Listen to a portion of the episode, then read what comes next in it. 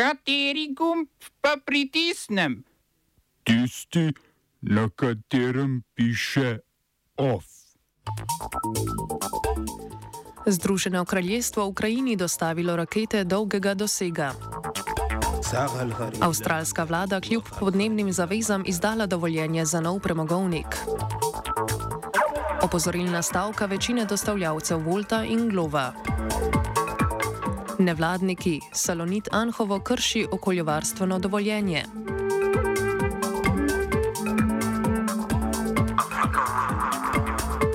Armensko obrambno ministrstvo je Azerbajdžan obtožilo kršitve dogovora o prekinitvi ognja z dronskimi napadi proti regiji Sotk.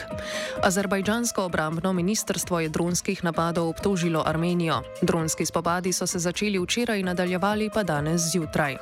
30-letni konflikt zaradi Gorskega Karabaha, ki po mednarodnem pravu pripada Azerbajdžanu, bosta politična vrhova obeh držav še enkrat več poskusila začeti reševati naslednji teden, tokrat v Bruslju, ob pomoči predsednika predsednika Evropskega sveta Šarla Mišela.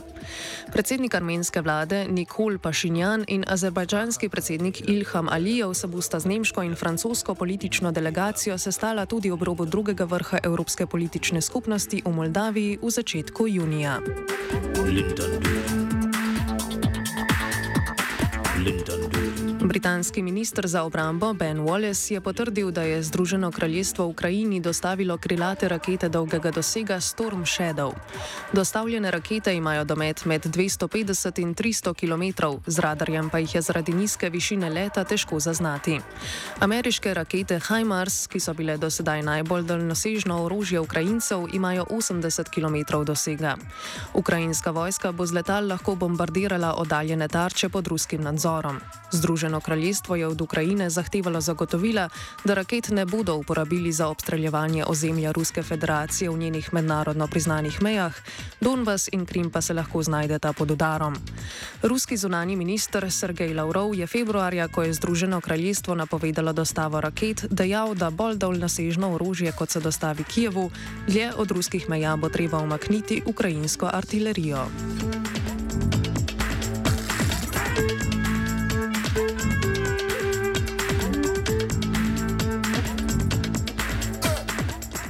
Medtem ko so dobave orožja v Ukrajini javni PR, dobave Rusiji potekajo bolj potihem.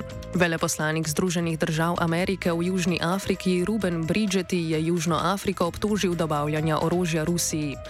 Po trditvah ameriških oblasti je bila v vojaški bazi v Cape Townu zasidrana ruska tovorna ladja, ki naj bi jo natovorili s streljivom in orožjem, na to pa naj bi odplula proti Rusiji.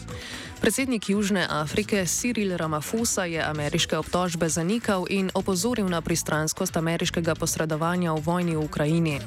Južna Afrika proti Rusiji sicer ni uvedla sankcij. Poleti bo Južna Afrika gostila srečanje predstavnikov držav BRICS-a, ki združuje največja gospodarstva v sponu. Zahodne države Južno Afriko pozivajo naj ruskega predsednika, predsednika Vladimirja Putina v primeru, da se srečanja udeleži osebno, aretirajo. Podlaga za aretacijo bi bila obtožnica Mednarodnega kazenskega sodišča v Hagu, ki jo je marca izdalo zaradi sumov o vojnih zločinih nelegalnih deportacij ljudi iz Ukrajine.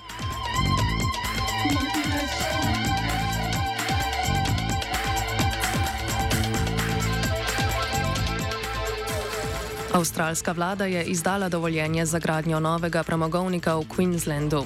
Okoljevarstvene organizacije odločitvi nasprotujejo zaradi povečanja emisij toplogrednih plinov. Skupno bi premogovnik v celotni dobi obratovanja prispeval k dodatnim 7 milijonom ton izpustov toplogrednih plinov. Avstralija letno v zrak spusti prek 500 milijonov ton toplogrednih plinov. Laboristična vlada se je z zakonom zavezala k zmanjšanju izpustov za 43 odstotkov do leta 2030, glede na statistike iz leta 2005, vendar ni hotela zapreti več kot 100 premogovnikov, ki trenutno obratujejo, niti prepovedati gradnje novih. 70 odstotkov električne energije, ki jo porabi Avstralija, je pridobljena iz premoga in zemeljskega plina, skupaj z izvoženimi fosilnimi gorivi pa je Avstralija odgovorna za do 5 odstotkov vseh svetovnih toplogrednih izpustov. Februarja letos je vlada zaradi varovanja okolja ostavila gradnjo premogovnika v bližini velikega koralnega grebena. Tokrat po trditvah vlade ni neskladje z okoljevarstvenimi zakoni.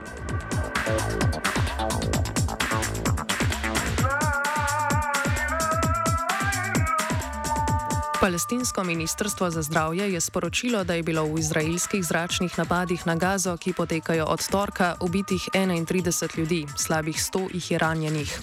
V tem času je umrl en izraelski vojak. V torkovem zračnem napadu je izraelska vojska ubila tri pripadnike palestinskega islamskega džihada in njihove družine. Po navedbah organizacij, ki se v Gazi ukvarjajo z zagotavljanjem človekovih pravic, je Izrael že ob torkovem napadu popolnoma onemogočil dostop do nujne humanitarne humanitarne pomoči in medicinskih pripomočkov.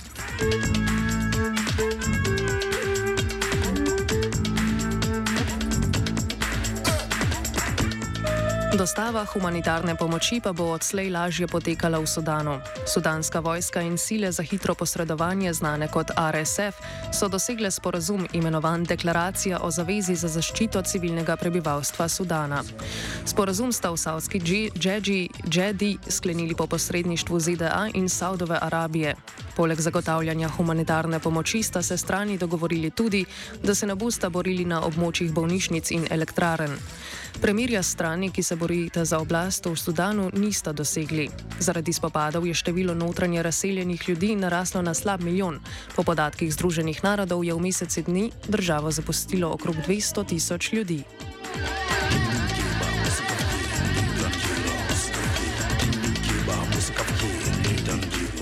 Nekdani pakistanski premijer Imran Khan je prispel na visoko sodišče v Islamabadu na zaslišanje zaradi svoje pritožbe na obtožnico o korupciji. Khan se je moral zglasiti na zaslišanju kljub temu, da je vrhovno sodišče razglasilo njegovo aretacijo za nezakonito in zahtevalo njegovo izpustitev. Vlada je to zavrnila in sporočila, da bo našla drugo pravno podlago za njegov pripor.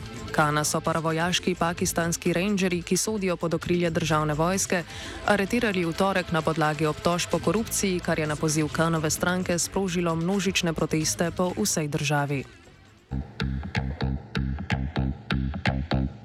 Smo se osamosvojili, nismo se pa osvobodili. Naslednje število še 500 projektov izpiljene modele, kako so se strani nekdanje LDS rotirali. Ko to dvoje zmešamo v pravilno zmes, dobimo zgodbo o uspehu. Takemu političnemu razvoju se reče udar. Jaz to vem, da je nezakonito, ampak kaj nam pa ostane? Brutalni obračun s politično korupcijo. To je Slovenija, tukaj je naša zemlja, to je Slovenija, Slovenija, Slovenija. Od 11 do 1 je potekala opozorilna stavka pardon, dostavljavcev Volta in Glova. Povod za stavko je nepripravljenost podjetij na pogovore, podjetji sta namreč v sredo zavrnili pogajanja o kolektivni pogodbi. Dostavljavci so stavko opozorili na slabe delovne razmere in nizek zaslužek, ki se je, namesto da bi se uskladili z inflacijo, po spremembi plačilnega sistema še znižal. Janez Petrlin iz sindikata dostavljavcev ocenjuje, da je bila udeležba na stavki med dostavljavci zelo visoka. Udeležba, zdaj tako točno se ne da tega vedeti, ampak um, ko kar uh, se pogovarjamo po teh naših uh, uh, skupinah, ki jih imamo na, uh, teh, na teh socialnih omrežjih, uh, bi jaz rekel, moja ocena je tam okrog 85, uh, 85, mogoče celo 90 odstotkov vseh, uh, ki bi zdaj delali drugače, jih ne dela. Tako da to, to se mi zdi zelo, zelo v redu, ker tudi smo probali kaj naročiti in uh, enostavno ali se sploh ne da, um, aplikacija javi, da je pač preveč popraševanja in da enostavno so, so čakalne dobe, ne vem, uro in več. Kot pojasnjuje predstavnik sindikata, bodo sindikalne aktivnosti še stopnjevali. Mi pa zdaj bomo, bomo pač. Uh, aktivnosti pač zaostrevali. Se pravi, danes je upozorilna stavka, bomo videli, ali se bojo kaj odzvali, ali se ne bojo. Uh, to se pravi, danes imamo tudi uh, sestanek na ministrstvu za delo, pa na inšpektoratu. Uh, potem pa seveda lahko, lahko tudi oni pričakujejo razne inšpekcije, ker tukaj je velik, velik dela na črno, tudi nobene transparentnosti, uh, ker nam pač to onemogočajo, da sploh lahko dostavljali tvit kako je bil plačan, kdaj, uh, zakaj in tako naprej. Da, da vidi, kako je njegova, uh, kako je ta um, dostava sploh urednotena. Ne? Oni imajo to, to vse, vse skrivajo pred nami, vse, vse stvari. Tako da ne, ne vem pa, če bojo lahko to skrivali pred inšpekcijo, ki bo prišla tja, pa je rekel, no, da pa dajte vi cele podatke na mizo. Predstavniki društva Eko Anhovo in Dolina Soče, civilne inicijative Danes, Pravnega centra za varstvo človekovih pravic in okolja in Amnesty International Slovenija so na novinarski konferenci Salonit Anhovo obtožili, da agenciji za okolje ne pošilja podatkov meritev temperature pri sosežigu odpadkov. To bi po okoljevarstvenem dovoljenju družba morala narediti. Da nad izvajanjem sosežiga odpadkov v Salonitu Anhovo ni nadzora, so ugotovili potem, ko je društvo Eko Anhovo od agencije Agencije za okolje zahtevalo podatke o predpisanih meritvah za obdobje med 2018 in 2022.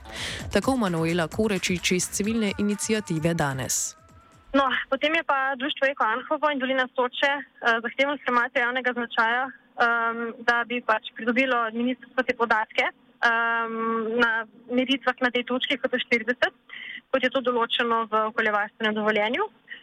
Um, naslovili so to zahtevo na ARSO in um, pač podatkov niso prejeli.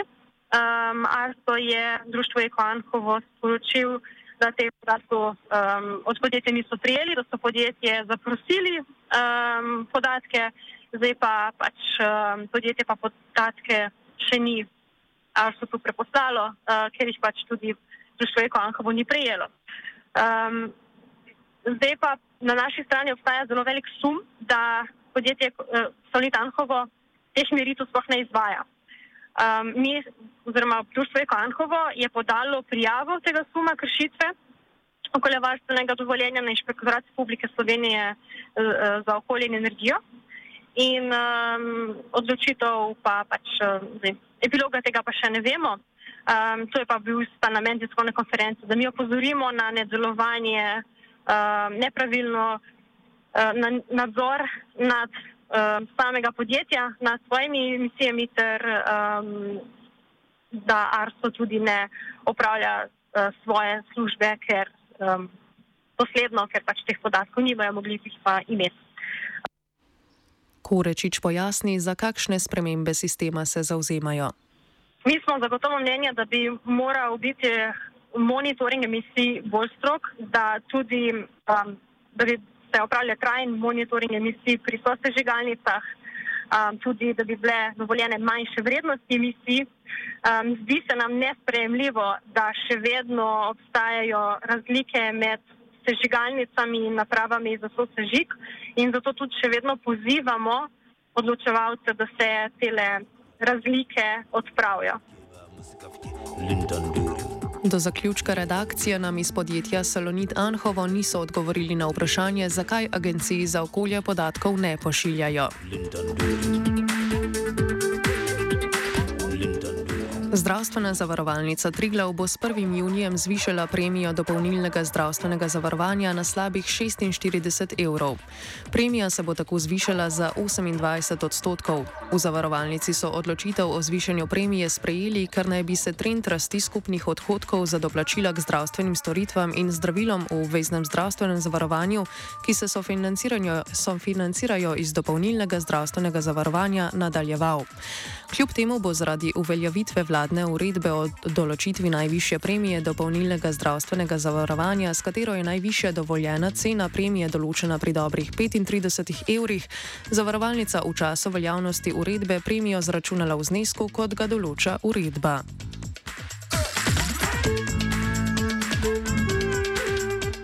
Ovsta pripravila vajenec Matej in Matija. Radio študent.